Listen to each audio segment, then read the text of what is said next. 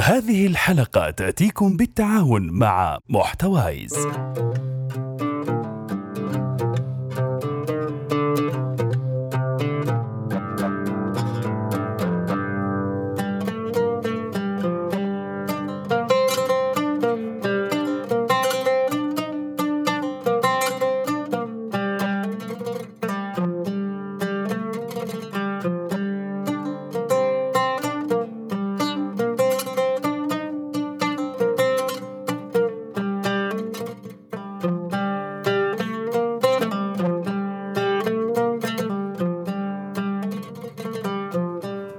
السلام عليكم ورحمة الله وبركاته. أهلا بكم مستمعينا في حلقة جديدة من حلقات ما وراء القانون بودكاست البودكاست اللي يهتم بكل ما يخص القانون. حلقتنا اليوم مع ضيف مميز جدا ضيف كثير منكم يعرفوه وكثير منكم يمدحوه مشهور بأقلامه اللي يحب يصورها على تويتر. ضيفنا اليوم هو المحامي والمستشار القانوني والمستشار السابق بوزارة التجارة لسبع سنوات وممثل المملكة العربية السعودية بإحدى شركات المساهمة العربية كرئيس مجلس إدارتها في الدورة الحالية. ضيفنا اليوم هو الأستاذ المحامي إسماعيل الصيدلاني. ما راح أطول كثير في المقدمة وخلي الأستاذ إسماعيل يعرفنا عن نفسه. واهلا وسهلا بك أستاذ إسماعيل وشكرا آه، لقبولك استضافتنا لك في ما وراء القانون بودكاست. بسم الله الرحمن الرحيم. آه، الحمد لله والصلاة والسلام على رسول الله. أولا أنا أشكرك أخوي عبد الرحمن أنك حقيقة بذلت كل الجهد حتى تشرفنا بأنه نلتقي بك وكنت على الموعد في كل شيء بصراحة. فشكرا لك على كل هذا المجهود وكل هذا الرقي الفكري اللي تقدمه ل... لي أنا شخصيا و... وللأطراف آه، اللي هم متابعيك في هذا التطبيق الجميل اللي هو تطبيق آه، تويتر ومن خلال برودكاست ما وراء القانون. الحقيقة أنا شخص عادي جدا يعني لست مشهورا. مشهور في الأقلام وفي من هو أكثر مني شهرة مولها و... و... وعشقا أه الحقيقة أنا يعني شخص درست دراسة تقليدية عادية جدا في المرحلة الابتدائية في جدة في مدرسة اسمها مدرسة الإمام القرطبي. والمرحلة المتوسطة آه، درستها في مدرسة حسان بن ثابت المتوسطة. كجيل يعني مثل أقراني في نفس الجيل كنا كان دائما مدارسنا مدارس الحي هي مدرستنا. كنا نبحث عن المدرسة الأقرب. يعني كان الآباء والأمهات والأولياء الأمور كانوا يبحثون. فكنا جيل ظهرنا من القرطبي انتقلنا إلى حسان بن ثابت. فكان كلنا جيل الكورة جيل المدرسة. آه كنا نشكل كل كل الحياة بين إحنا مجموعة من الأصدقاء المحدودين. حتى أغلبنا يعني بينه وبين الطرف الآخر صلة قرابة تكون عادة. سكنت في حي اسمه حي الجامعة كان قريب جدا من جامعة الملك عبد العزيز. آه بعد المتوسطة الحقيقة هذه يعني ملمح جم يعني ملمح مهم جدا في حياتي. آه في ثالثة متوسط أنا كنت أدرس في تحفيظ القرآن. وكنت أحب دراسة الفقه عموما. كنا يعني في المسجد مثلا ندرس قرآن ندرس أصول فقه كنا ندرس مصطلح حديث ندرس المواد الشرعية هذه اللي ساعدتني كثير حقيقة في حياتي العملية وحياتي الدراسية فيما بعد المرحلة الثانوية. من من الشيء الجميل كان دراستي للمرحلة الثانوية في المعهد العلمي كانت محض لقاء يسمى يعني ما كان يعني ما كنت مرتب له إني أدرس في المعهد العلمي التابع لجامعة الإمام. أحد الأصدقاء والزملاء في حلقة تحفيظ قرآن آه كنت أتحاور معه فشفت معاه كتاب جميل كذا كتاب كبير وعجبني المنظر منظر الكتاب مهيب. وكنت أحب إني يعني أقرأ دائما الكتب هذه. فقلت وش هذا؟ قال لي هذا كتاب شرح ابن عقيل على ألفية بن مالك. ما أعرف إيش يقصد يعني بصراحة. واحد ثالثه متوسط ما أعرف ما تعود على دراسة عادية النحو الصرف القواعد النصوص التفسير الحديث. قلت وش الكتاب قال هذا كتاب في النحو. ففتح لي فقرأ بيت منظومة آه، ابن مالك. إلى الآن هذا البيت لا أنساه. هذا الكلام 1411 لا أنسى هذا البيت أنسى أي شيء في الدنيا إلا هذا البيت. فتح لي على فتحنا ابن عقيل فإذا ابن عقيل يقول ولا يجوز الابتداء بالنكرة ما لم تفد كعند زيد النمرة. هذا البيت ما أنساه. يعني تعلقت في هذا البيت تعلق فعجبني فكرة الدراسة النظريات النحوية. كيف دراسة النحو؟ بيبدأ من تعريف الكلام كلامنا لفظ مفيد كاستقم واسم وفعل ثم حرف الكلم. منظومات يعني منظوم شعر يعني النحو كامل في ألف بيت. فلذلك سميت ألفية ابن مالك. عجبني المنهج. قلت وش كمان؟ قال عندنا كتاب الفقه كتاب آه، في الفقه. آه، كنا في الفقه مثلا ندرس في المتون آه، في مصطلح الحديث في الأدب مثلا ندرس كتب في الأدب في العروض والقافية ندرس البلاغة والنقد ندرس في الحديث التفسير كتب يعني يعني كتب قديمة وشرحها علماء أفاضل من هيئة كبار العلماء فكانت المسألة عندي مسألة مغرية وجاذبة. وأنا في ثالثة متوسط فوضعت في ذهني أني أدرس الثانوية في المعهد العلمي. حبا في دراسة الفقه والمجتمع وال والجو العام كان يساعدنا على مثل هذه التخصصات. آه، درست تخرجت من المتوسطة توجهت للمعهد العلمي وجدت صعوبة في القبول لأنه كان الدراسة المفترض أنه من أولى متوسط أنك تلتحق في المعهد لأنه مرحلتين متوسطة وثانوية. لكن يسر الله عز وجل أني دخلت المعهد.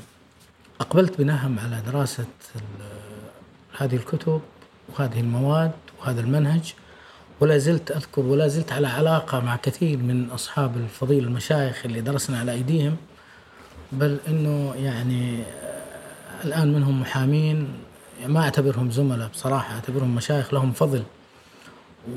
وأيضا في كتب الأدب در- يعني لا زلت أتواصل مع كثير من ال- من المدرسين اللي درسنا على أيديهم ولا زلنا نحمل لهم الفضل في كثير من ال- ال- ال- اللي تعلمناه منهم سواء كان على أدب الدرس أو أدب النفس يعني حقيقة. آه، درست المعهد العلمي. تخرجت من المعهد العلمي آه، ثالثة ثانوي آه، كان عندي آه، إشكالية. كنت أرغب إني كان عندي كذا رغبة إني رغبة شباب آه، إني أروح العسكرية بالضابط. الطول طبعا ما ساعد النظر ما ساعد. يعني شوية الله معوقات يعطيك الصحة. الله يديك العافية. يعني كنت لا بنظارة من أيام المتوسطة ف والطول ما ساعد. باقي لي يمكن تقريبا أربع سنتي عشان الطول اللي تدخل فيه فوجدت إنه خيرة يعني كنت صعب جدا إني كنت خايف وجل إني أروح جامعة الإمام كلية الشريعة رغم إنه كنت أتوقع إني يعني ممكن أكون كويس في دراستي هناك أو إني أقدم يعني أقدم لنفسي شيء كويس في دراسة في كلية الشريعة. يعني هذه من الأشياء اللي اللي أنا أقول لك كيف الصدف أو مش الصدف اللي هي الم- الموقف اللي يعطيك وضع. آه، قريت آه، وأنا بعد ما تخرجت من الثانوية كانت الفرص كثيرة في ذاك الوقت يعني عام 1415 بداية 15 تخرجت من المرحلة الثانوية. فكان عندك عندي تطلع آه، إني مثلا أروح جامعة أم القرى قسم القضاء الجامعة الإسلامية كلها أبغى أدرس فقه فكان واحد من إخوتي الآن هو في النيابة العامة نائب رئيس فرع في إحدى المناطق كان يدرس قانون كان متفوق. ما شاء الله يعني متفوق تفوق كبير. يعني احببت أيضا دراسة القانون وشفت كيف تفاعله هو مع الدراسة وإعجابه بالدراسة. فقلت أدخل جامعة الملك عبد العزيز. أول فصل كان المعهد العلمي ما يقبلون في إدارة اقتصاد. فقلت أدخل أول فصل ثم أحول. بعد أول فصل ما حولوني قالوا أصلا شهادة الثانويه ما ما تساعدك على دراسه في كلية إدارة واقتصاد فوجدت إنه أقرب آه، تخصص هو دراسات إسلامية. درست في الدراسات الإسلامية وأنا أدرس في الدراسات الإسلامية تجي شروط في معهد الإدارة العامة إنه آه، يجو يعني يقبل في دراسة دبلوم دراسة الأنظمة اللي دارس 20 ساعة فقه وأصول وعشر ساعات تفسير وحديث. فشفت خطة الدراسة في الدراسات الإسلامية وجدت إنه تنطبق أكثر. يعني 29 ساعة فقه وأصول و 20 ساعة تفسير وحديث فتعتبر معادلة. تخرجت من قسم الدراسات الإسلامية تقدمت لمعهد الإدارة ظهرت الأسماء من المقبولين ابت- ابتدائي. فمن المواقف اللي حصلت إنه رحنا للمقابلة الشخصية. من اللي عمل معي المقابلة من أعظم اساتذتي اللي درست على يديهم الله يمسيه بالخير اللي هو الدكتور آه، زهير عباس كريم لا زال في معهد الإدارة إلى الآن يدرس. مسي عليه وجه التحية. أي الله والأستاذ سعود سعود الشمري كان عضو مجلس الشورى الآن في في الدورة مش السابقه اللي قبل وكان في وأظن الآن رئيس لجنة اللجنه الاستئنافية في لجنة الفصل في مخالفات الوراق المالية. الله يسعدهم الله يمسيهم بالخير. يعني هذول كان عملوا معي المقابلة. بعد ما عمل المقابلة فوجئت ان اسمي ما ظهر لا أساسي ولا احتياط. صدمت يعني. لكن راد الله عز وجل راجعت المعهد ففي اثنين من الأسماء الاحتياط واثنين من ما حضروا واثنين اعتذروا عن الإكمال فكنت أنا من أول الأسماء اللي بعد فقبلنا والحمد لله. درست في المعهد المعهد كان الصدق صدق يعني. معهد الإدارة كان هو نقطة التحول في الحياة. تماما. يعني لم يمر علي منهج دراسي تعلمت منه مثل معهد الإدارة العامة لأنه نوعي. ما كان يعتمد على الدراسة النظرية كثيرا. كان يعتمد على الدراسة التطبيقية أكثر. يعني الكوزات اللي كنا ندرسها والاختبارات الميد تيرم والاختبارات النهائية. كان في غالبها تعتمد على حالات دراسية أكثر من من إنها دراسة نظرية. يعني ما أتحدث عن أكتب عن. ما كانت نادر جدا. كان قضية كاملة كنا تعلمنا منها اختبارات ال open book كنا نحسب إن ال open book يعني أمر سهل. تبين لنا لا ليت الكتاب ليت المسألة ليت إيه المسألة حفظ ليت المسألة أكتب عن تحدث عن. يعني كان تجينا ملف قضية كامل. يجيك سؤال واحد عليه 40 درجة يقول باعتبارك مستشارا قانونيا لهذه الجهة أو لهذه الجهة في قضيه جنائية عن المتهم أو عن جهة الإدعاء. أعطينا رأيك. هاي يعني تكتب فيها تدرس فيها دراسة تحتاج تستحضر نظام الرشوة تحتاج مثلا نظام التزوير تحتاج تستحضر نظام تأمين مشتريات الحكومة في ذاك الوقت كان. فكانت المسألة ليست بهذا ال. آه تخرجنا من المعهد توجهت إلى وزارة التجارة مباشرة. وكنت برغبة مني اكيده لوزارة التجارة وما كان عندي استعداد أعمل في جهة غير وزارة التجارة لسبب. يعني كنت أريد أن أكون محاميا. فكانت وزارة التجارة ثرية جدا. في عملية بناء شخصية المحامي من ناحية الأنظمة. يعني أنا كنت أعمل في وزارة التجارة إلى ثمانية سنوات إلى قبل أن أترك الوزارة بالاستقالة كنت أشتغل على تقريبا على 23 نظام. آه عملت عضوا في مكتب الفصل في منازعات الأوراق التجارية وعضو ما بين رئيس ونائب رئيس وعضو لأكثر من سبعة لجان إدارية ذات اختصاص قضائي. وأيضا مثلت وزارة التجارة أمام الجهات القضائية. غالبا كان قضاياها أمام ديوان المظالم. وأيضا مثلت آه، الوزارة في اجتماعات الجمعيات العامة العادية وغير العادية للشركات المساهمة المدرجة وغير المدرجة. إيه، خرجت بحصيلة. بعد ثم بعد ذلك عملنا في مكتب محاماة لمدة سنتين ثم أسست هذا المكتب المتواضع. ما شاء الله هذه الفكرة ال- ال- طولت شوي فيها لكنها لا، كانت بس قصة مختصر عشان الناس لا تغتر وتعرف. ترى إنسان بسيط بس يحاول إنه يقدم شيء يعني يخدم المهنة. لا أكثر ولا أقل ما شاء الله تبارك الرحمن يعني أول شيء أوجه لك الشكر أستاذ إسماعيل أنك استضفتنا اليوم في قاعة التحكيم الجميلة هذه.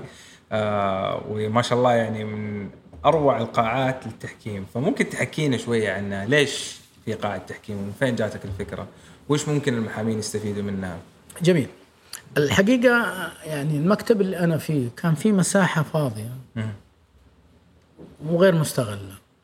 طرحت فكرة مع الإخوان اللي معاي في المكتب وخصوصا إذا كانت تسمح لي أذكر اسمها أكيد.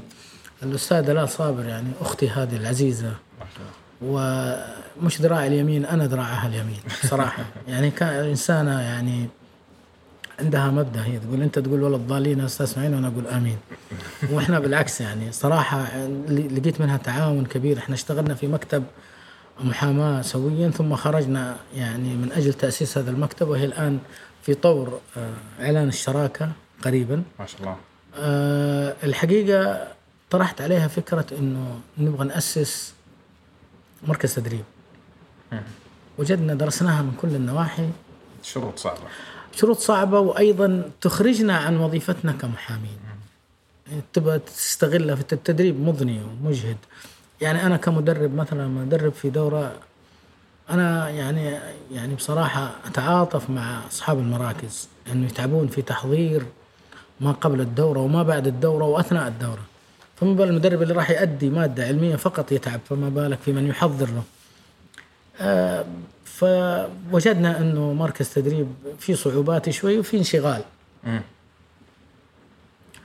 فجات فكرة في رأسي قلت ليه ما نسوي قاعه تحكيم فكرتها إنه إحنا من أجل أن نقدم خدمة لقضايا التحكيم في المعونة القضائية بطريق مريح يعني على سبيل المثال من المميزات اللي هنا يعني هي ليست من باب الدعاية بقدر ما هو طرح للصورة اللي صحيح. موجودة إحنا من يوم نبدأ يعني متاح القاعة من يوم السبت إلى السبت الآخر حتى يوم الجمعة لل- للهيئة هيئة تحكيم بدون مقابل ما ما نأخذ ولا نتقاضى ريال واحد لقاعة التحكيم كقاعة.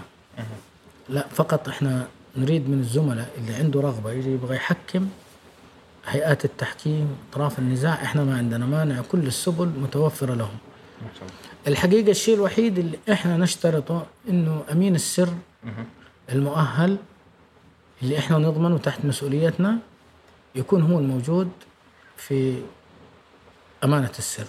السبب للمحافظة اولا على المكان وأيضا من أجل إنه يرتب المواعيد بحيث ما يصير في اختلال في عملية المواعيد.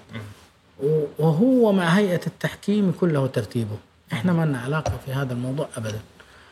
قد يستغرب يقول أحد الأشخاص يقول كيف تفتح قاعة بهذا الحجم وهذا الترتيب وهذا؟ يمكن انت رأيت اخ عبد الرحمن كان عليها شغل يعني مش حاجة بسيطة. أنا ما أستفيد منها كقاعة تحكيم فقط أستفيد منها لأعمال المكتب الخاصة قاعة اجتماعات. أستفيد منها يعني إحنا عملنا مع هيئة المحامين في قبل فترة في دراسة آه، إبداء ملاحظات على مشروع نظام الشركات فريق آه، يسموه فريق استطلاع آراء العموم. شكلت جزاه الله خير الهيئة يعني وأنا أوجه لهم تحية هيئة المحامين.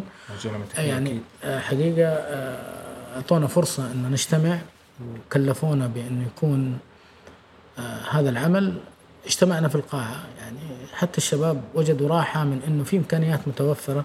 المكان مناسب وفق الاحترازات الجديدة يعني كبير المكان يسع لأي عمل. مجهز بكافة التجهزه التقنية اللي تساعدنا على العمل من شاشات من عرض من المكان نفسه متاح. يعني ال open time يعني الوقت متاح لنا في أي وقت لأن المكان يعني يتباع لنا وكذا فما عندنا إشكالية في ما إحنا مقيدين بمواعيد. هذه استغلها أنا أيضا قاعة في في هذا الشيء. استغلها في دراسات تطبيقية للمكتب في بعض القضايا محاكمة يعني افتراضية. أقدم محاكمة افتراضية للزملاء كيف يتعامل مع القضايا. كان في بداية شغل الشباب المحامين المتدربين. كنا نجلس مثلا كأنه في قاضي كيف يطرح دفوعه كيف الطرف الآخر يفترض. يعني كانت تساعدنا كثير. في قضايا الإفلاس نستفيد منها في الاجتماع مع بعض عدد من الدائنين. يعني إذا زاد عن 20 دائن مثلا نستطيع نجتمع نوفر على الدائن أو الدائنين وعلى موكلنا مثلا أو على الدائن إذا كان إحنا آه، من موكلنا دائن. نجتمع مع الدائنين نرتب الأمور في عملية الصلح التسوية التنظيم المقترح دراسة المقترح. دراسة كل ال- الأشياء هذه تساعدنا في المكان. بعيد عن إنه يكون في مكتبك تحت نظرك مجهز التجهيز الكامل. هذه من الأشياء اللي كانت ساعدتنا على هذه الفكرة استغلال المكان المساحة وكنا نريد أن نقدم حقيقة خدمة اجتماعية مجتمعية من قبل مكاتب المحاماة، أنا أتمنى انه كل مكتب محاماة يكون فيه مثل هذه الفكرة. على الأقل تساعد على تقديم. يعني الحقيقة الأخ محمد حريري مساعد في مركز تحكيم جدة.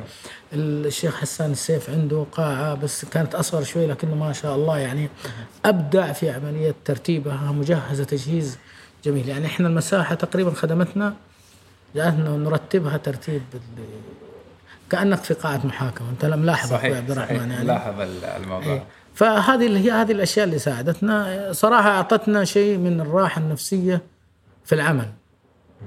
يعني ما ما عندنا عندنا استعداد نجتمع مع 40 شخص في دراسة موضوع مثلا. ما عندنا إشكالية لأن المكان يسع ونستطيع انه نتحرز وفقا للضوابط الجديدة. جميل. جدا. ذكرت أستاذ إسماعيل موضوع الإفلاس وتكلمت أنك ممكن آه، تجتمع مع الدائنين في هذه القاعة وأنت من أكثر المحامين المعروف أنهم متخصصين في موضوع الإفلاس. جميل. طيب حلقتنا اليوم مستمعينا هي عن الأفلاس وكل ال 20 دقيقة اللي فاتت كانت مقدمة عشان نعرف ضيفنا آه، بسيرته العطره والرائعة. لكن الآن نبدأ مع أستاذ إسماعيل نعرف مراحل تطور أنظمة الأفلاس بالمملكة العربية السعودية. يعني إذا ممكن تعطينا نبذة تاريخية عن الأفلاس في المملكة العربية السعودية. جميل. آه، اولا الأفلاس ليست فكرة جديدة. الأفلاس فكرة قديمة جدا يعني بقدم القانون يعني. من قوانين قديمة يعني أنا أذكر مما قرأت إنه يعني أتكلم عن الافلاس كنظرية حديثة الآن كقواعد تطبيق. مش كمصطلح إفلاس لا ك- كنظرية تطبيق. أذكر أنه قرأت في كتاب أنه كان في فرنسا في نظرية مستوحاة من القانون الروماني اسمها نظرية تحكم الدائنين. حلو. وفكرة الكرسي المكسور. ال- هذه الفكرة قم على انه التاجر كان يقف على أربع. على أربع أرجل فانكسرت هذا فتهتز موقفه واهتز موضع وضعه. فيجوا الدائنين يرفعونه من خلال تحكمهم في أمواله فكان في تحكم للدائنين في أموال هذا الدائن تحت نظر الدائنين وتحت تصرفهم إلى أن يجتاز في مرحلة مرحلة المعوقات هذه أو التعثر. فيبدأ إيش يحافظ على حقوق دائنيه ويسدد دائنيه في لحقوق دائنيه فيصبح ويرجع ويعود كما كان بعكس إنه لو كان تعرض إلى عمليات آه، تعثر أو إفلاس واضطر من خلالها إنه يبيع جميع ممتلكاته ويدخل الدائنين كلهم بحسب نسبة يسمونها قسمة غرماء. هذه النظرية كانت مطبقة في فرنسا عام 1400 90 تقريبا ميلادي. قبل 600 سنة من الآن تقريبا يعني 600 500 وين هذه النظرية اسمها نظرية تحكم الدائنين. تطور ال ال تطورت القوانين وفقا لتطور الوقائع. يعني أنا أذكر أحد الزملاء جزاه الله خير كتب تغريدة قال إذا أردت أن تعرف القانون أعرف التاريخ. وهذا حقيقي صحيح. حقيقي. صحيح. صراحة يعني الأخ سلطان عنيزي الله يمسيه بالخير هذه التغريدة عجبتني أنا قال إذا أردت حتى هي الأخلاق حتى الأخلاق عموما تعرف من خلال التاريخ. والقصص كانت تعبر لك عن كيف تستفيد منها في أنك تضبط وضعك. أذكر آه، في يعني قرأت لأحد الفلاسفه في موضوع ال common law اسمه هولمز جونيور يقول القانون هو التجربة وليست ما كتبه آه، العلماء. صحيح. آه، ما أعرف إذا تتفق معه هذا. صحيح جدا. التجربة أساسا التجربة هي يسمونها أم الاختراع يعني. جميل. ف فلما جينا نش- نشوف الإفلاس وجدنا أنه هي فكرة قديمة جدا.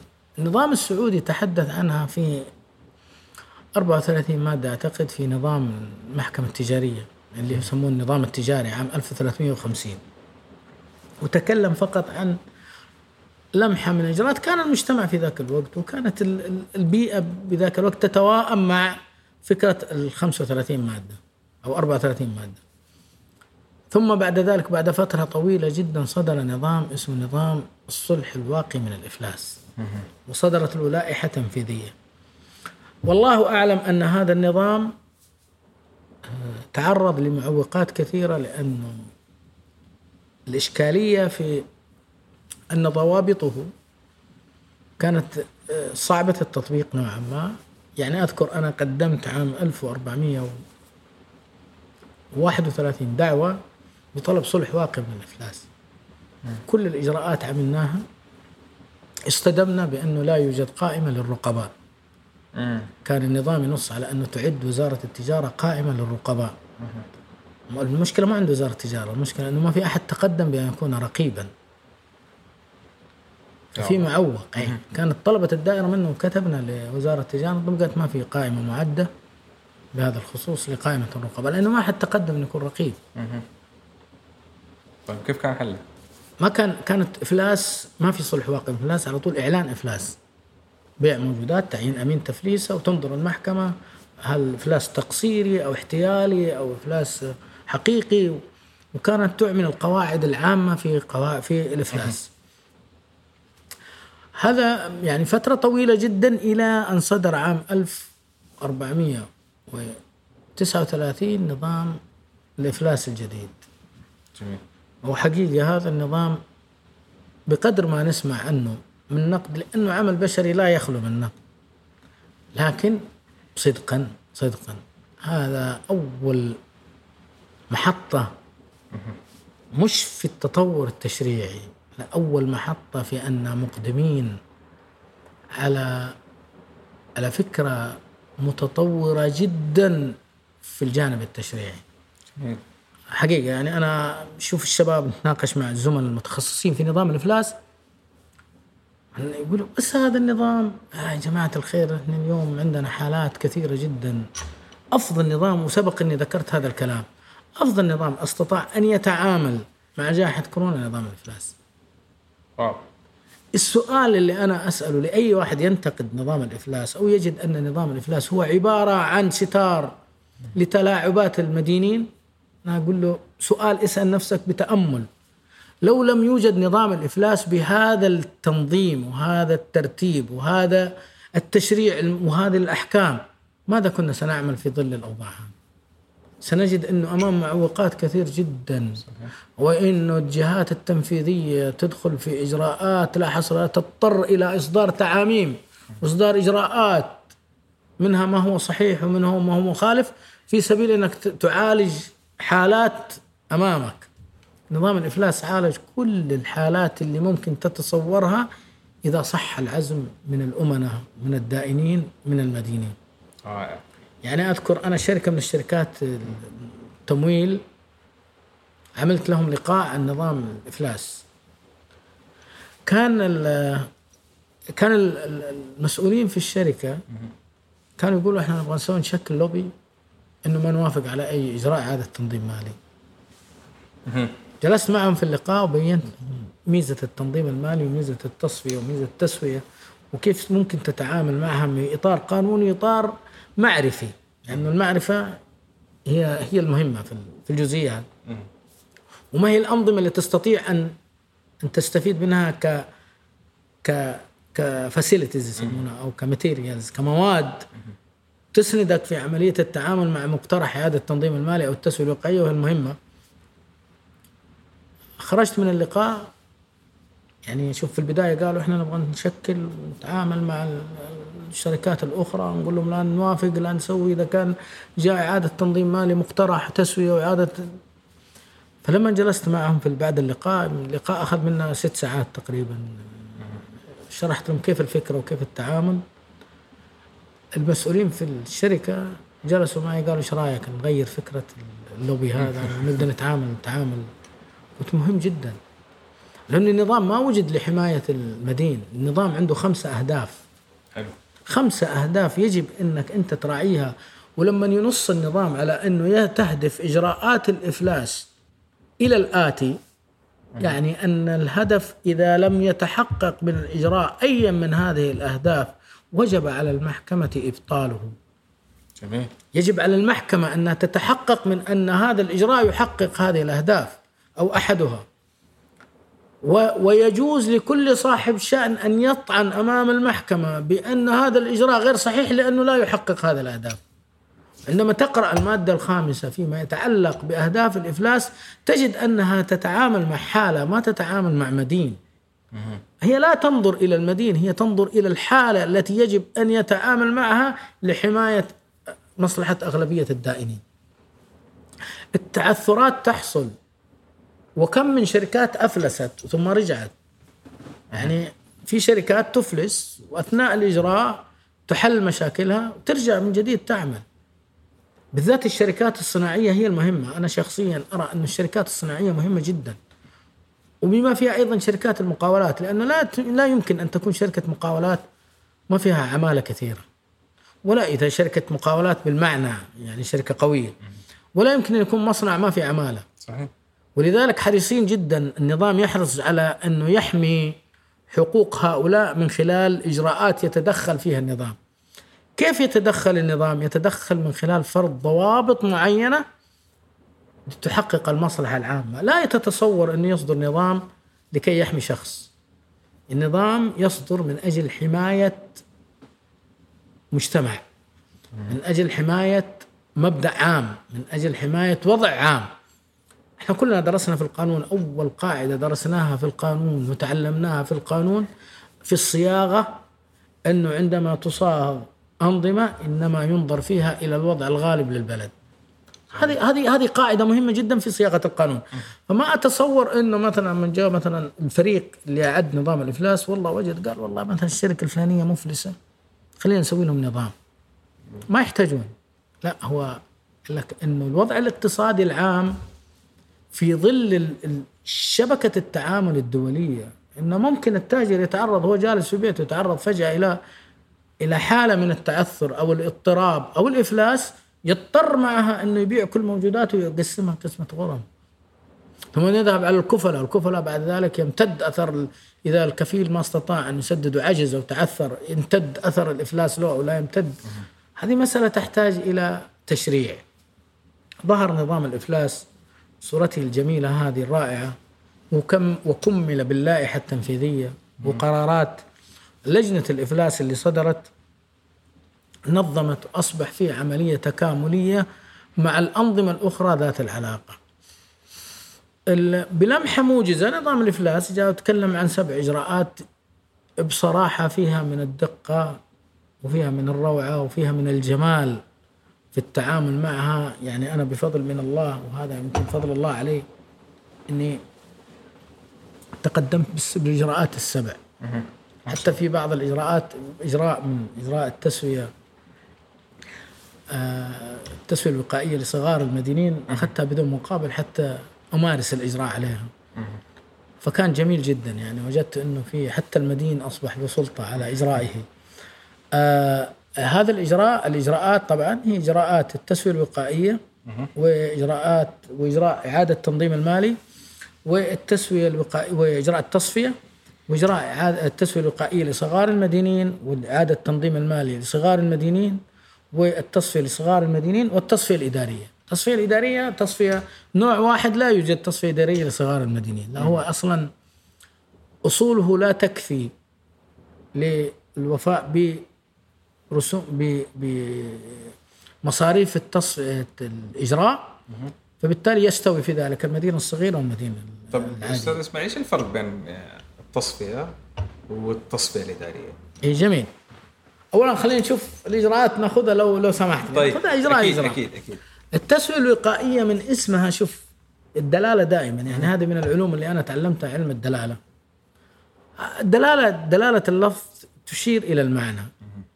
يعني بعض الزملاء يعني أو بعض الأساتذة يعترض على إنه نظام الإفلاس تسميه نظام الإفلاس فتجد إنه هو يقي من الإفلاس. يعني هي يعني اختلاف لفظي لا أكثر ولا أقل مشاحة في مصطلح فقط. يعني أنا أرى إنه ما في مانع إنه نظام إفلاس يتضمن الاجراءات الوقائية والإجراءات اللي هي الإجراءات الفعلية المادية اللي ف اللي حصل إنه لما جان جينا شفنا يعني تيجي تعمل على هذه الإجراءات تجد إنه نظام الإفلاس مثلا لما جيت أتكلم عن التسوية الوقائية، التسوية الوقائية يعني إنه في تسوية في في جانب رضائي ما بين المدين ودائنيه. ولذلك النظام قال لك هذا الجانب الرضائي أنا أغلبه على هذا الإجراء فعمل إيش؟ جعل كل الصلاحية للمدين. فما في فما في أمين إجراء يتدخل في عمله ولا في يتحكم ولا يشرف على نشاطه. فقط إنه أمين الإجراء في مسألة آه، المصادقة على المقترح والإقرار من أمين الإجراء أو أو التعليق على المقترح بأنه يترجح لديه بأن أغلبية الدائنين سيوافقون على آه، هذا المقترح. وهذه هي اللي تجعل الأمين يتدخل. ويبدي رأيه أيضا في عملية تعديل المقترح لأي ظروف. من ظروف كورونا يشوف إنه هل المدين تعثر بسبب كورونا وهو متعثر أصلا قبل كورونا؟ لأن هذه عنده إشكالية تصير عند بعض المدينين. يستغل ظروف كورونا هو أساسا قبل كورونا بأربع شهور أو خمسة شهور ما نفذ المقترح اللي المفروض منه. فهذه يكون للأمين في رأي من خلال دراسة وضع المدين. لكن في الجملة فإن العلاقات كلها تنصرف بين المدين ودائنيه لا يتدخل أمين الإجراء في ذلك ولا يعد أي شيء. ولذلك تجد أنه المسائل المتعلقة بفرض نظامي قليلة جدا في في التسوية الوقائية. فتجد أنه مثلا تعليق المطالبات هذا جوازية للمحكمة مش ملزمة فيها المحكمة. تجد أنه لا تغل يد المدين عن عن عن نشاطه. نجد في عادة التنظيم المالي عادة هو التسوية الوقائية طبعا هي في حالات ثلاثة إما اضطراب الأوضاع أو التعثر أو الإفلاس. في عادة التنظيم المالي نفس الفكرة إما تعثر أو اضطراب الأوضاع المالية أو الإفلاس اللي هو يعني تجا وصل للعتبة.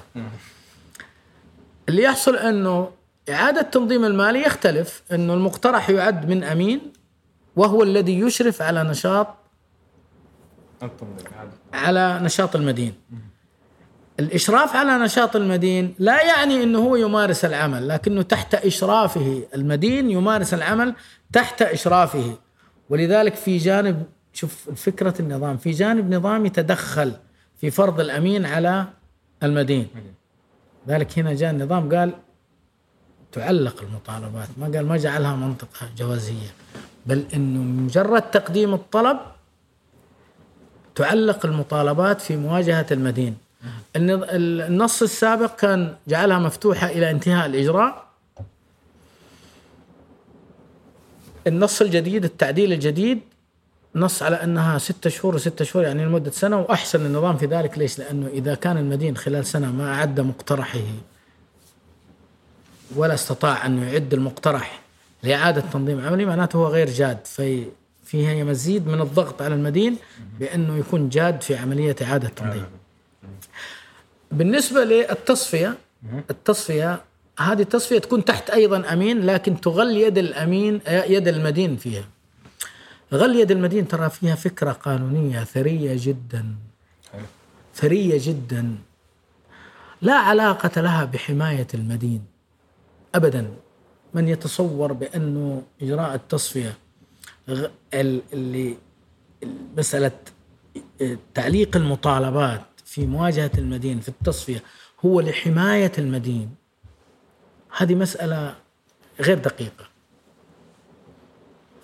يجب أن تغل يد المدين عن إدارة نشاطه في التصفية حتى لا يتصرف تصرفات تحت ضغط معين تحت إجراء معين وحتى لا يكون في تفضيل لداء عن داء يعني بعض بعض المدينين إيش يعمل؟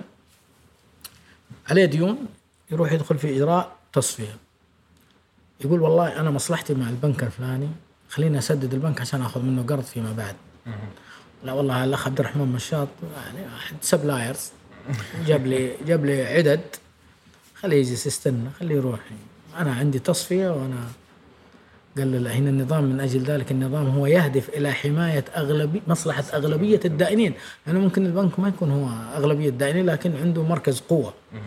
فالنظام يتدخل يقول لك لا أنت لو سمحت يا مدين ارفع يدك عن هذا النشاط نجيب لك واحد شخص متخصص تحت مسؤولية قانونية له مركز قانوني اسمه أمين إجراء يخضع للمسؤولية تحت أحكام النظام. جميل؟ إذا خضع لهذا هو سيتولى العمل وفقا لأحكام النظام. طيب أنت غليت يدي وجيت شخص هو اللي يتصرف فما تستطيع تنفذ عليه لأنه لا يستقيم أنك تغل يد شخص وتجعله ينفذه. هو هو مسألة التنفيذ ليش؟ يعني اليوم لو صدر قرار بحبس مدين وصدر له حكم بافتتاح إجراء التصفية أنت ساجنه ليش؟ السبب لسجنه.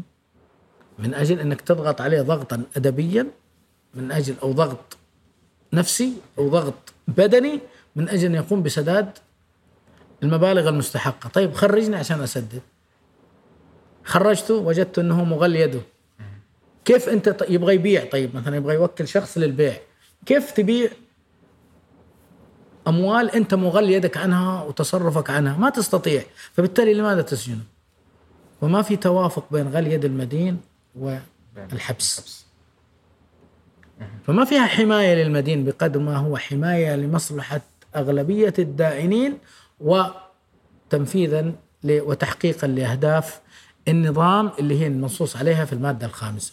الفرق بين التصفية والتصفية الإدارية أن التصفية الإدارية اسمها تصفية إدارية في جهة إدارة تتدخل المتمثلة في لجنة الإفلاس. لماذا؟ الفكرة اللي عندي أنا لماذا تدخلت أو وجد هذا الإجراء اللي هو التصفية الإدارية؟ المدين أثبت لك أنه لا يوجد عنده حتى مصاريف التصفية. من راح يتولى عنه العمل؟ ليش؟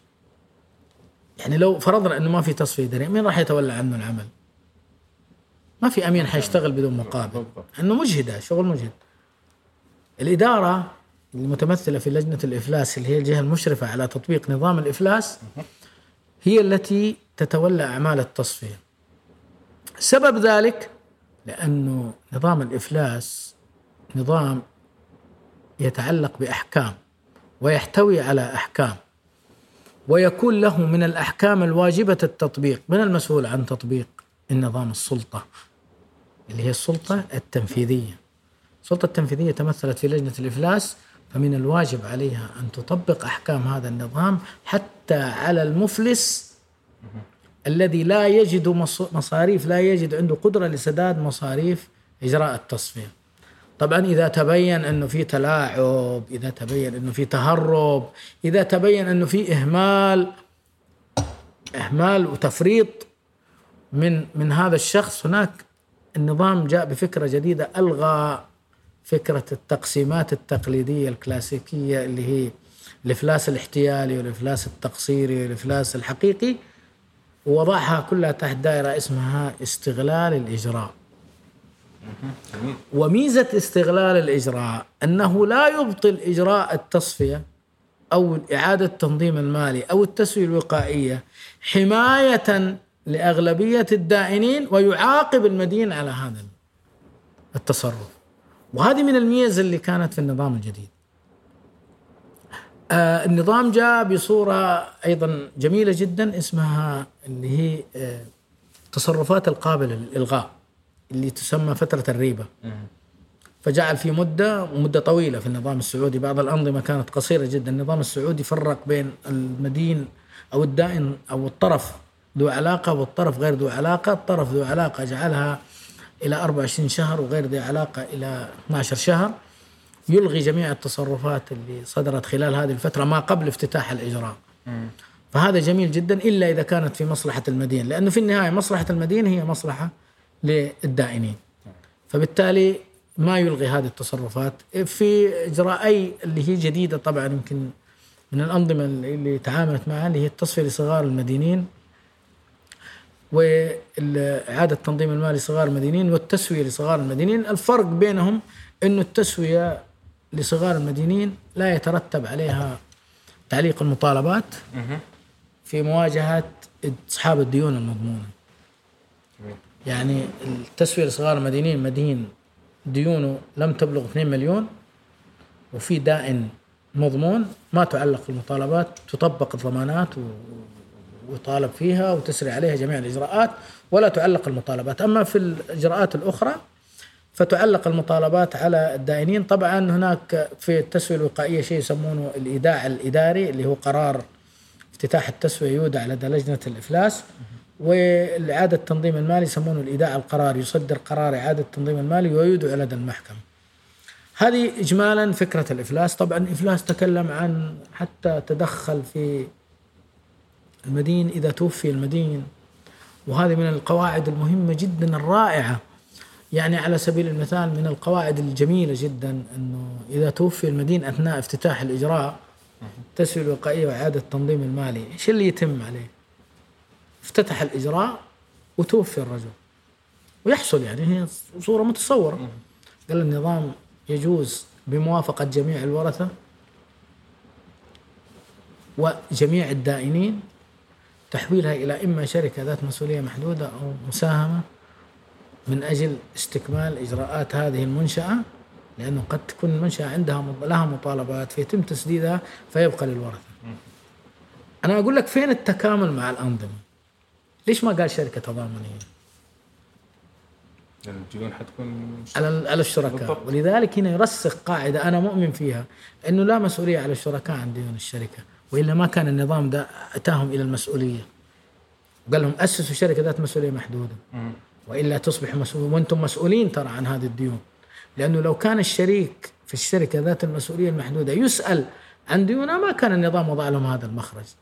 انه ما لهم علاقة في عملية الإفلاس اللي تمت.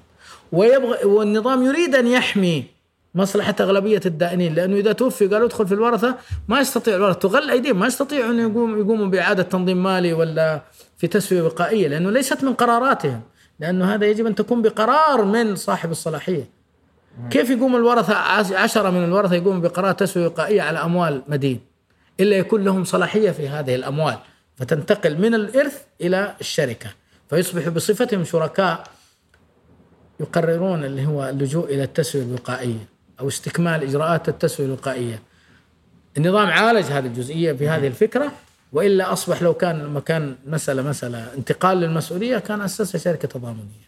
جميل طيب أستاذ إسماعيل الموضوع أنت دوبك ذكرت على موضوع الشراكة والمسؤولية التضامنية آه اختراق. هي بالإنجليزي ال veil piercing بس الاختراق الحاجب للشركاء ندخل من مسؤولية الشركة آه مسؤولة عن ديون معينة لكن نروح لذمة الشركاء آه كيف صارت مع الإفلاس؟ أنت ذكرت هذه النقطة فيعني جميل. النظام نظام الفلاس تطرق لها قال على الأمين عند التصفية أن يراعي حدود مسؤولية الملاك. بمعنى أنه إذا كانت شركه تضامن إيش يعمل؟ يقوم بسداد الديون من أموال الشركة من أموال التفليسه ثم يعود على الشركاء المتضامنين بطلب للمحكمة يتقدم للمحكمة بالرجوع على الشركاء متضامنين في أموالهم الخاصة على ما تبقى من ديون بعد سدادها من أموال التفليسه. في الشركة ذات المسؤولية المحدودة النص كان واضحا. قال وتكون الشركة مسؤولة وحدها عن الديون فبالتالي ما ترجع على الشريك. التخوف اللي عند الناس إنه طيب وبعدين شركة ذات مسؤولية محدودة أفلست. أمين التفليسه إيش بيعمل؟ أمين التفليسه بيرجع إلى أموال الشركة. بيشوف إيش سبب العجز اللي تم. خلينا خلينا نفترض صورة شركة منتظمة في أعمالها وأمورها المالية منتظمة ودفاترها منضبطة وتعرضت لخسارة لأي سبب من الأسباب. إيش حدود مسؤوليتها؟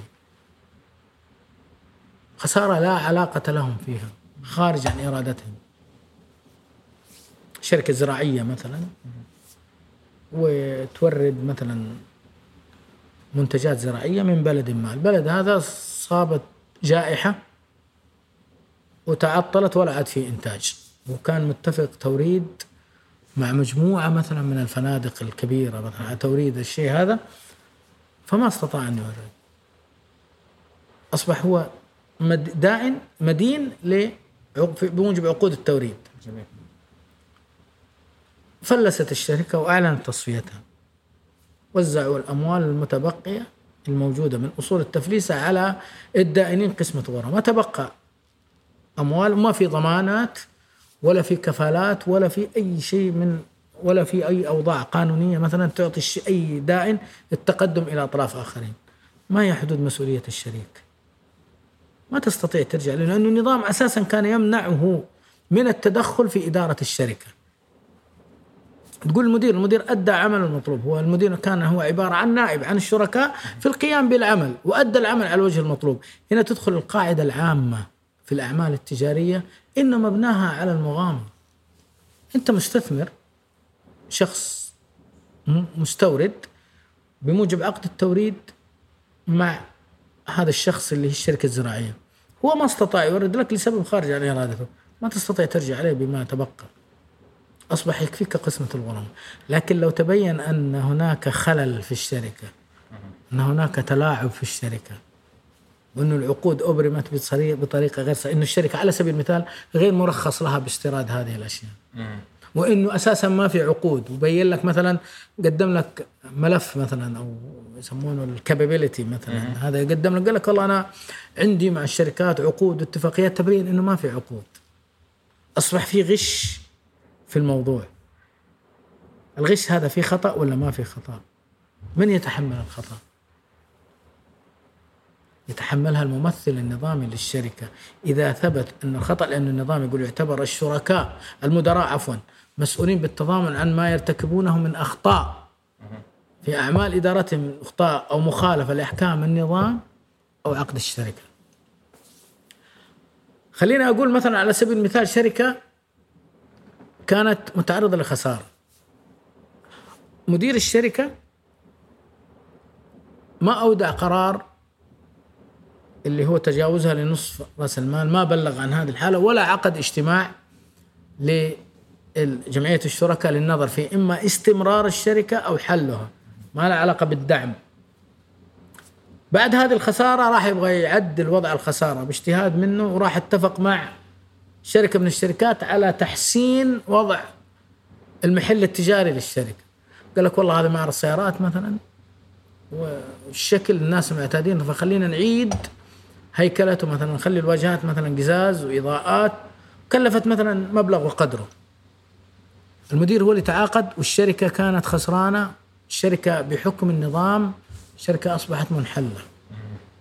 يعني لا وجود لها يسمونها الشركة الفعلية. المدير تعاقد باسمها. من تعاقد باسمه هو مسؤول في أمواله الخاصة عن هذه الالتزامات. ما هو الديون القديمة؟ لا مسؤول عن الالتزامات الجديدة. لأنه تعاقد باسم شركة غير صحيحة وغير قائمه المدير الحالة الأخرى المدير تقدم للشركاء وقال لهم يا جماعة أنتم ترى خسرتوا. وأنا أقول لكم أنا أودعت الخسارة هذه في بلغت عن هذه الخسارة في السجل التجاري. عن هذه الواقعة. وأدعوكم للاجتماع خلال 90 يوم للنظر إما حل الشركة أو استمرارها جمعية الشركاء ما التفتوا له. كمدير شامل وهذه من التخصصات صراحة اللي أدعو المحامين إنه يركزون فيها اللي هو التخصص في مسائل مسؤولية الممثلي الشخص المعنوي. هذا تخصص جميل جدا في القانون إنه يركز على مثل هذا التخصص.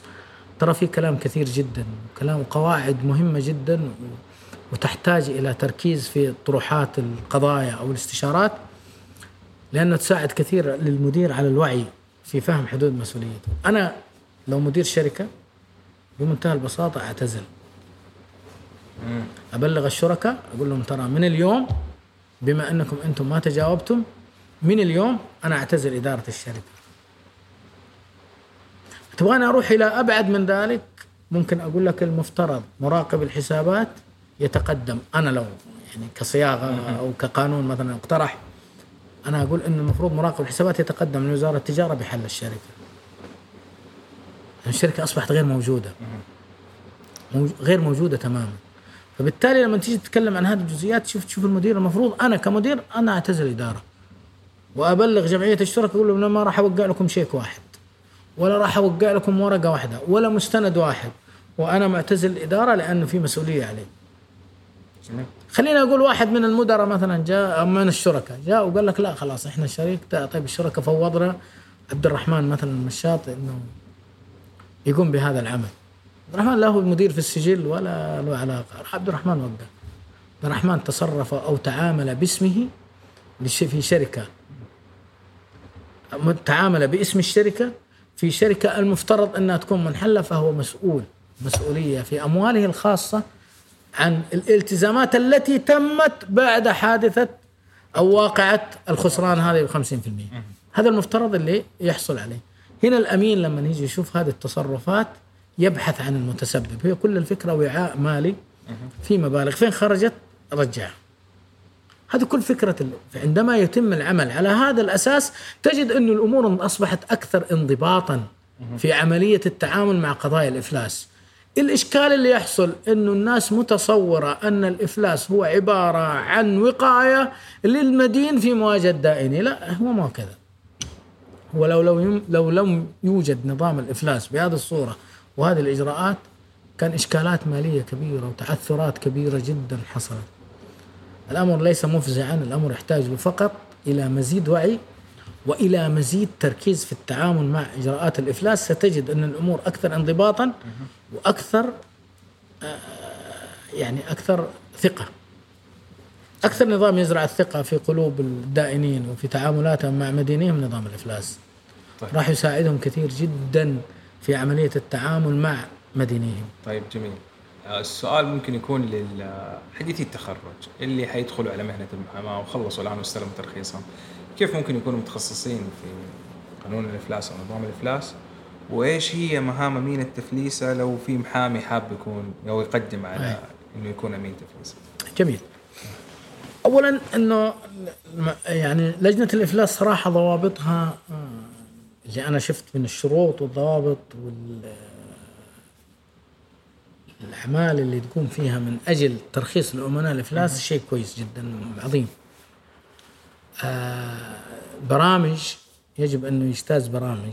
هم يركزون المحامين يركزون لجنة الإفلاس على البرامج المحاسبية. جميل. والمحاسبين يركزون على البرامج القانونية مع إنه كل ال- الفريقين يجب إنه يكون أخذ دورات أمام لجنة الإفلاس من أجل من أجل الترخيص. والترخيص يجدد كل سنة أو كل كل سنة أعتقد. ويتعرض لاختبارات يجب أنه يتجاوز الاختبارات بشكل دوري بشكل دوري من أجل تجديد الترخيص. آه، حديثي التخرج أنا نصيحة لحديثي التخرج ما هو فقط في نظام الإفلاس في في القانون عموما. أنا مؤمن في قصة آه، أو فكرة التخصص، مؤمن فيها تمام بل إن التخصص التخصص.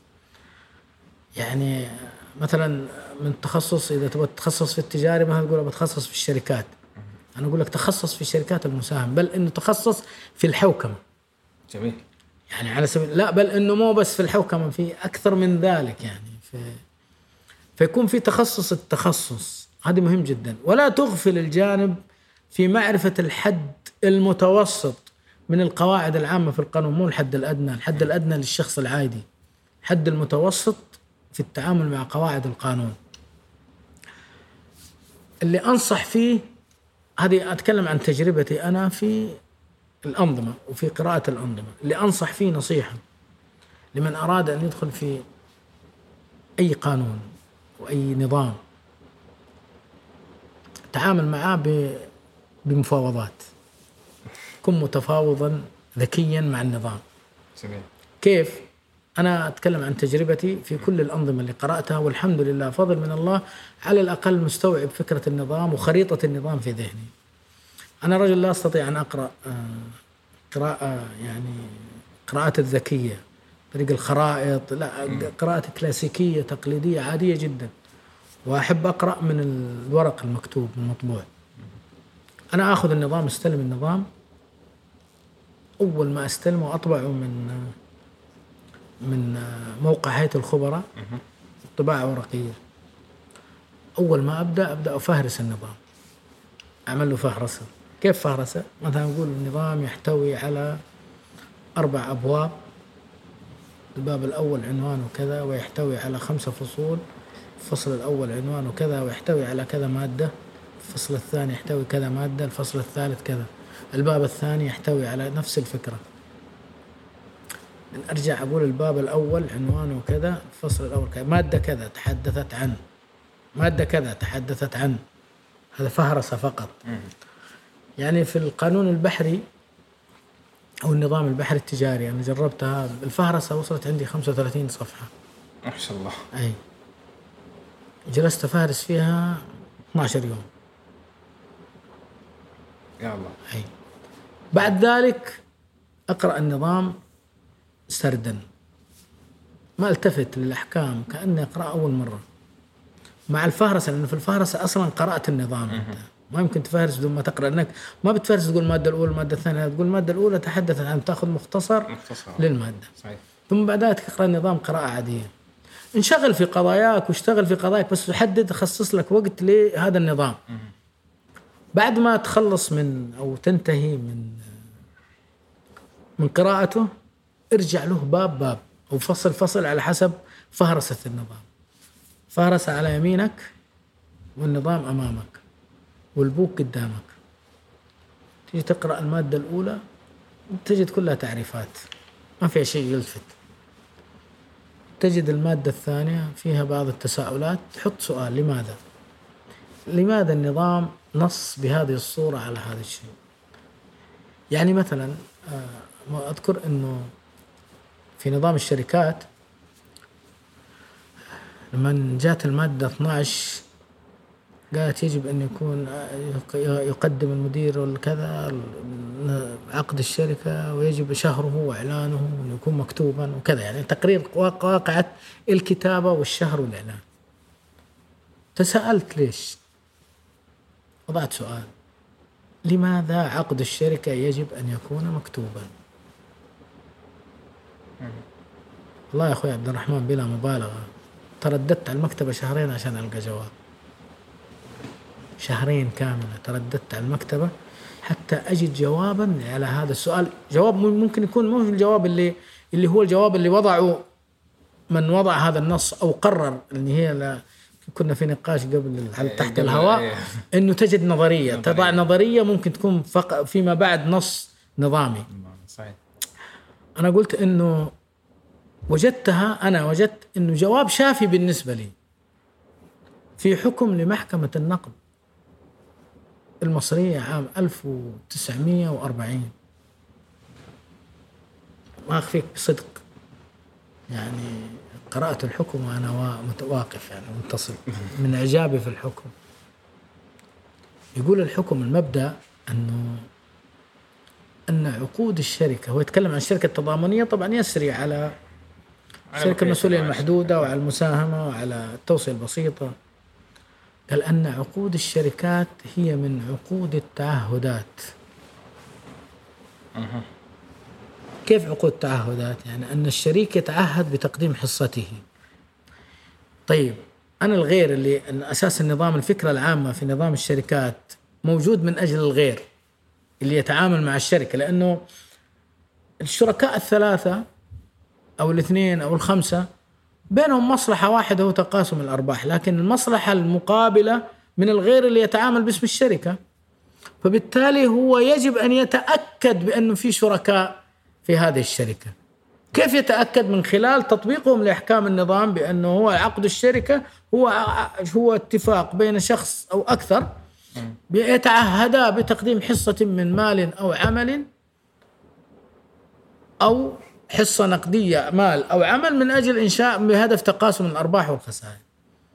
فلما يأتي الغير هذا يبغى يتأكد. كيف يتأكد؟ يتأكد بأنه الأطراف مؤسسين الشركة تعهدوا بتقديم هذه الحصة.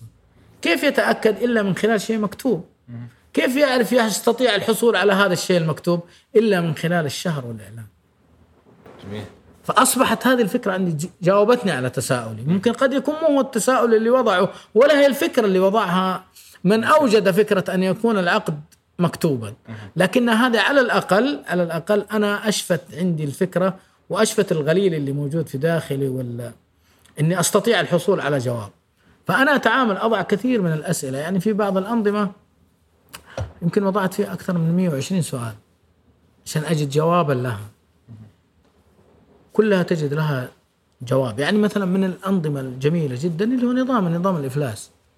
قال لك من الأهداف الرئيسية هي تعظيم أصول المدين في إجراء التصفية. القرآن يقول هذا الشيء يقول ولا تبخسوا الناس أشياءهم ولا تعثوا في الأرض مفسدين. فانظر إلى أنه حتى الأنظمة تستمد من الطبيعة العامة للتعاملات بين الناس أنها تكون بأمانة وأخلاق وسلوك قانوني وسلوك أخلاقي يساعدك على التعامل بثقة بين الناس. فلذلك قال للامين قال له يا أمين انتبه في إجراء التصفية. يجب أن تبذل عناية الرجل الحريص في أنك تعظم أصول المدينة. ما تبيعها صح. تحرص على أنك تعرضها عرض جيد وفي وقت جيد. يعني مثلا اليوم عندك إجراء تصفية. فجيت وقت الكورونا مثلا. وتبغى تبيع والله مثلا كورونا وقال لك في تعليق للدراسة والمدين اللي هو يبيع مثلا زي المدرسة. تيجي تبغى تبيع ال- المؤسسة في وقت كورونا. ما حد راح يشتري. أو يشتري بثمن بخس. لازم ينتظر تطلب من المحكمة. انها لأنه هذا النوع من النشاط في هذا الوقت سيبخس أموال المدين فن- فأقترح المكتب المحكمة إنها تؤجل عملية إجراء التصفية إلى ما ننتهي. هذه من الأشياء اللي يجب أن تراعى في عملية التعامل مع القضايا والتعامل مع العلاقات في خصوص تخصيص آه، تطبيق هذه الأنظمة. ولذلك أنا قراءتي للأنظمة تكون هذا. بعد ما أنتهي من هذه التساؤلات أضع التساؤلات أرجع لأحكام قضائية قديمة أرجع لكتب فقهية أثارت هذه المسألة فألتفت لها بعناية. بعد ما أنتهي من هذا أضع عندي ملاحظات زي البوك ملاحظات. واحد كذا اثنين كذا ثلاثة كذا. فأجد أنه لما أتكلم عن النظام أتكلم وأنا مستوعب الخريطة له مستوعب أركانه ومفاصله وجزئياته. في كثير من الجزئيات لما تناقش فيها تظهر فهمك للنظام. أنا هذه نصيحتي للمحامين المتدربين ترى مجهدة وما هي بسيطة لكنها ستختصر عليك سنوات طويلة جدا. لا تنتظر إنه قضيه تيجي عشان تبحث في نظام الشركات لا. اقرأ نظام الشركات قبل القضية. تجيك القضية وانت محتويها جيدا. تكلم مع العميل في البدايات تناقشه في قضية شركات تساؤلاتك اللي تطرحها العميل تبين العميل يثق فيك أو لا. عندما تطرح تساؤل وانت فاهم مفاصل النظام انت ما انت جاي تختبر العميل لكن جاي تعطي الفكرة للعميل ترى قضيتك مفهومة بالنسبة لي. ما هو واحد جاي يبغى يسأل عن يبغى العميل يعطيه المعلومة. لا هو لازم يعطي العميل الفكرة بأنك أنت أمام المحامي اللي عارف في هذه الجزئية. هذه من الأشياء المهمة جدا. نصيحتي لأي محامي مو مو فقط المحامي المتدرب حتى المحامي الممارس والمحامي المتمرس أيضا. والقانونيين كمان بشكل الق- عام. بشكل عام. لا يتوقف عن القراءه جميل. لا يتوقف. من من يجد فرصة لأن يدرب هذه أعمق بكثير. ترسخ تدريب. المعلومة يعني. وجدا. لا أصلا شوف أنا في كل دورة أنا مدرب من 2009 ما شاء الله. هي في يمكن أكثر من 14 نظام دربت فيها. ما شاء الله. في كل دورة تدريبية أنا أطلع بمعلومة جديدة. في كل دولة في كل دورة تدريبية أقدمها حتى لو كانت مكررة. أطلع بمعلومة جديدة. لأنه أفهام الناس تختلف. وأعتمد على النقاش أكثر من التلقين. التلقين لا يقدم شيء في الدورات. إذا لم تعتمد على النقاش ما تقدم. أنا ما أنظر ما أستطيع أنظر. التنظير للأكاديميين اللي يتقنون هذا الفن العظيم يعني من عملية ال- تقديم المعلومة. و- وفرق كبير جدا. لا تستطيع أن تدرب شخص طالب. طالب يجب أن تعلمه ما تدربه.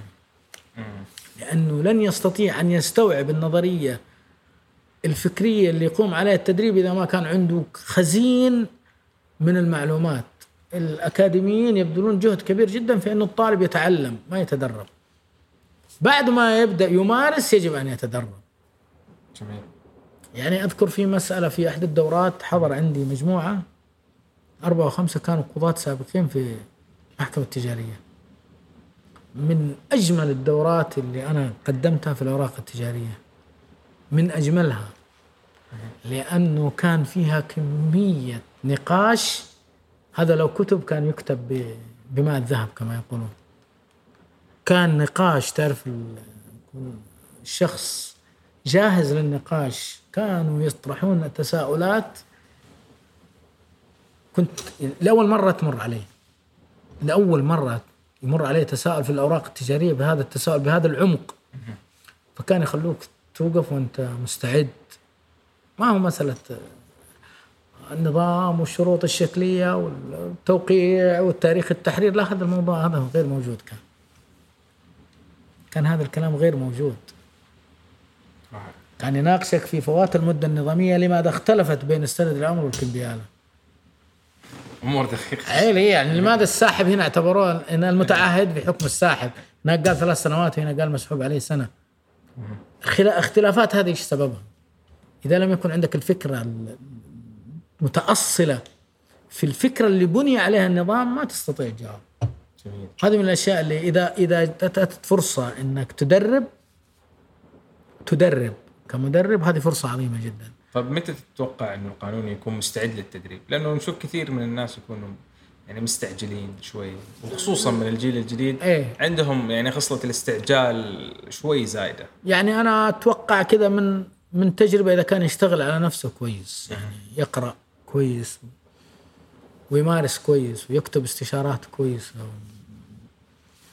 ومتمكن من اللغة القانونية، اللغة القانونية لغة فهم النصوص يعني أتوقع بعد ست سنوات سبع سنوات ممكن يبدأ يدرب. بعد سبع سنوات. أي ممكن يدرب. يبدأ يدرب يبدأ يوقف على منصات التدريب. أنا يعني يؤلمني جدا لما أشوف بعض المحامين المتدربين. يعني حتى في تويتر في البايو يكتب الخاص مخصص للاستشارات. وبعضهم حتى يعني يعني لاقيه كاتب المستشار القانوني وهو يعني ممكن يكون توه منتهي من للأسف. التدريب يعني. للأسف. شوف المحامي يجب أن يكون يكتب محامي. افتخر اي محامي. حقيقة مهنة عظيمة. آه، ولا أجد أنه يستطيع أحد أنه ينزل من محامي إلى إلى أي منزلة أخرى. يعني لا مؤاخذة يعني لأنه محامي. جميل. محامي يشكل الجانب الآخر على الضفة في قضاء وفي محاماة. وكلهم يلتقون في في مساحة واحدة. منتصف اللي هو منتصف الخروج بحكم كلما كان المحامي متمكنا كلما كان القاضي أكثر تمكنا. طيب أستاذ إسماعيل أحتاج يعني منك نصيحة للجيل القانوني القادم عن موضوع الاستعجال كيف يتعاملوا مع زمن متسارع يشوفوا فيه كل شيء ماشي بسرعة آه، مع السوشيال ميديا يشوفوا نجاحات الناس بسرعة فيحس إنه هو مو ما بيعمل حاجة يحس إنه هو واقف مكانه. فكيف ممكن يتعاملوا مع هذه الضغوطات الاجتماعية الجديدة من واقع خبرتك؟ الخيل الأصيل آخر اللفة. اعمل على أنك تشتغل على نفسك. يعني أنا واحدة من الأخوات حقيقة يعني من أجمل الكلمات اللي قالتها لي قالت إنه أنا أنا أشتغل على نفسي عشان أكون نفسي. حلو. أشتغل على نفسي عشان أكون نفسي. ما أريد أن أكون أحسن من أحد. وهذه هذه فكرة ترى ما هي بسيطة يعني إنك يكون توصل للمرحلة هذه انه تبغى تشتغل عشان أنت تكون أنت. ما تفكر في إنه أحد سار. طبيعة البشر وخلق الإنسان عجولا صحيح. طبيعة البشر إنه يبغى يستعجل النجاح. لكن النجاح ما يأتي بالعجلة. يعني أنا كنت أناقش أحد الزملاء من زملاء المحامين بيننا كذا موضوع نعمل عليه فكنت أقول له شوف يا فلان ترى القضاء لا تجعله أسرع الطرق إنما اجعله أوثق الطرق. خليني يا سيدي في القضية 12 جلسة أجلس. فلان المحامي غلقها بثلاث جلسات كيفه؟ بس ابو ثلاث جلسات حتروح الاستئناف حتجلس تسع جلسات. لكن أبو 12 جلسة عندما توثق حقه تروح الاستئناف تجلس جلستين. فالعبرة بالخواتيم مو في البدايات. البدايات تساعدك على الخواتيم إذا كنت داخل وأنت مشتغل الهوم وورك زي ما يقولون مشتغل الواجب كويس ومشت... ومذاكر كويس وفاهم كويس حت... حتشتغل شغل ترضي نفسك فيه ابتداء ثم بعد ذلك حتدخل وانت مطمئن. من النصائح اللي أنصحها وهذه اكتسبتها حقيقة من عملي في اللجان الإدارية ذات اختصاص القضائي ثم في دعاوى التحكيم. نصيحة للمحامي سواء محامي متدرب جيل مع الجيل الجديد أو المحامي المتمرس لأنه بعض المحامين في قضايا التحكيم مثلا تجده يقعد يشغل نفسه في إجابات ومذكرات ومستندات. أنت مركزك في القضية ما هو؟ أنت داخل من أجل تثبت طلبك وإلا تقرر دفعك. ركز على هذه الجزئية. يعني بمعنى أنه أنت مدعي عندك طلبات. حاول جهدك ابذل جهدك عشان تقنع القاضي بطلباتك. لا تقنعه لا تحاول تجاوب على إجابات المدعى عليه. حتشغل وقتك وتضيع وقتك ولذلك تجد إنه بعض المحامين يطلع يا أخي القاضي ما قرأ إيه ما هو فاضي يقرأ. ما أنت ما أنت في محاورة شعرية مع مع الخصم ولا في جدال على مسألة. أنت في قضية مهمة جدا تبغى تثبت طلباتك هو يبغى يثبت دفوعه. هي هي الدعوة وش هي؟ الدعوة كلها الدعوة القضائيه كلها طلباتها ودفوع الذي يستطيع أن يثبت ما يريد هو اللي كسب القضية. هذه نصيحة هذا التكنيكال أنا أشتغل عليه في قضيتي. ولا أحاول أن أكثر في الجواب على دفوع الطرف الآخر أو على طلباته. أنا عندي دفوع محددة أثبتها للجهة القضائية. عندي طلبات محددة أس- أبذل جهدي في إثباتها. إذا تضمنت إحدى المذكرات ما تحتاج للجواب عليه من خلال طلباتك. مو من خلال دفوعه. يعني مثلا واحد يدفع دفع يناقض طلبك وأنت عندك المستند قل هذا الطلب غير صحيح ويثبت ذلك مستندي. أما عملية تبدأ اول دفوع تلوي عنق الدعوة من أجل الوصول إلى الشيء هذا راح ما راح تستفيد تضيع وقتك وجهدك اللي المفترض إنه يستغل في أمور أهم. فنصيحتي إنه دراسة القضية دراسة جيدة ومعرفة مفاصل الدعوة من خلال فهم النظام الحاكم لها هذه ستساعد المحامي المتدرب بالنسبة للسوشيال ميديا يستغلها في اللي هو بالذات يعني محركات البحث مثلا والتعامل مع الزملاء في معلومات معينة مثلا استفادة من من الزملاء فيما يخص آه، المعلومة. يبدا لا يجعل إنه مثلا والله يعتبر فلان نموذج من المحامين المشاهير. لا لا هذه لا يعتبره. يعتبر نفسه هو أفضل واحد ويعمل على أن يكون أفضل واحد. يعني مثلا من الأشياء اللي أنا أقول لك المواقف اللي مرت علي آه، مرت علينا حالة أيام في كنت وقتها أعمل في وزارة التجارة. شخص صدر عليه حكم بعقوبة في الشيك بسجن وشهر وتغريمه مبلغ خمسة آلاف ريال. آه، سدد ال- الحق الخاص وانسجن الشهر وخرج وبدأ يطالبونه في سداد الغرامة الخمسة آلاف. فقدم استدعاء للجهات العليا. قال إنه ما يستطيع يدفعها وإنه عنده مشاكل مالية ويطلب اعفائه منها. فأحيلت المعامله لأنه كان القرار مكتب الفصل من الفرع اللي أنا كنت أعمل فيه في جدة. كان قديم يعني 1417 أذكر. في في ذاك الوقت القرار صدر. فجاءت المعاملة 1425 إنه ما يستطيع يسدد ودونا رأي يعني أفيدونا عن الموضوع وكيفيه التعامل معه. يعني أنا حيلة المعاملة لي عشان أدرسها تعبت عشان أعرف النظام الحاكم لها. أنا عندي قناعة إنه كل حالة وكل واقعة لها نظام يحكمها. جميل. آه علمه من علمه وجهله من جهله. لا بد إنه يكون هذه الحالة ما يمكن تترك. لأن حالة مش مش حالة مثلا مستثناء هي حالة ممكن تقع. فأكيد في نظام ينظمها فبدأت أبحث. وجدت أول خيط اللي هو في نظام الجمارك إنه يجوز الوصول إلى تسوية مع التاجر في عملية الغرامات بس الجمارك ما له علاقة ما تقدر تستند على نظام الجمارك في حالة ما له علاقة في النظام النظام خاص فيها. لكن المبدأ ترسخ عندي إنه في فكرة التسوية. والله يا أخوي عبد الرحمن إلى درجة إني أخذت خطاب من إدارة الفرع لمعهد الإدارة عشان آخذ الوثيقة هذه. وجدت نظام اسمه نظام استبدال الغرامة بالحبس التعويضي.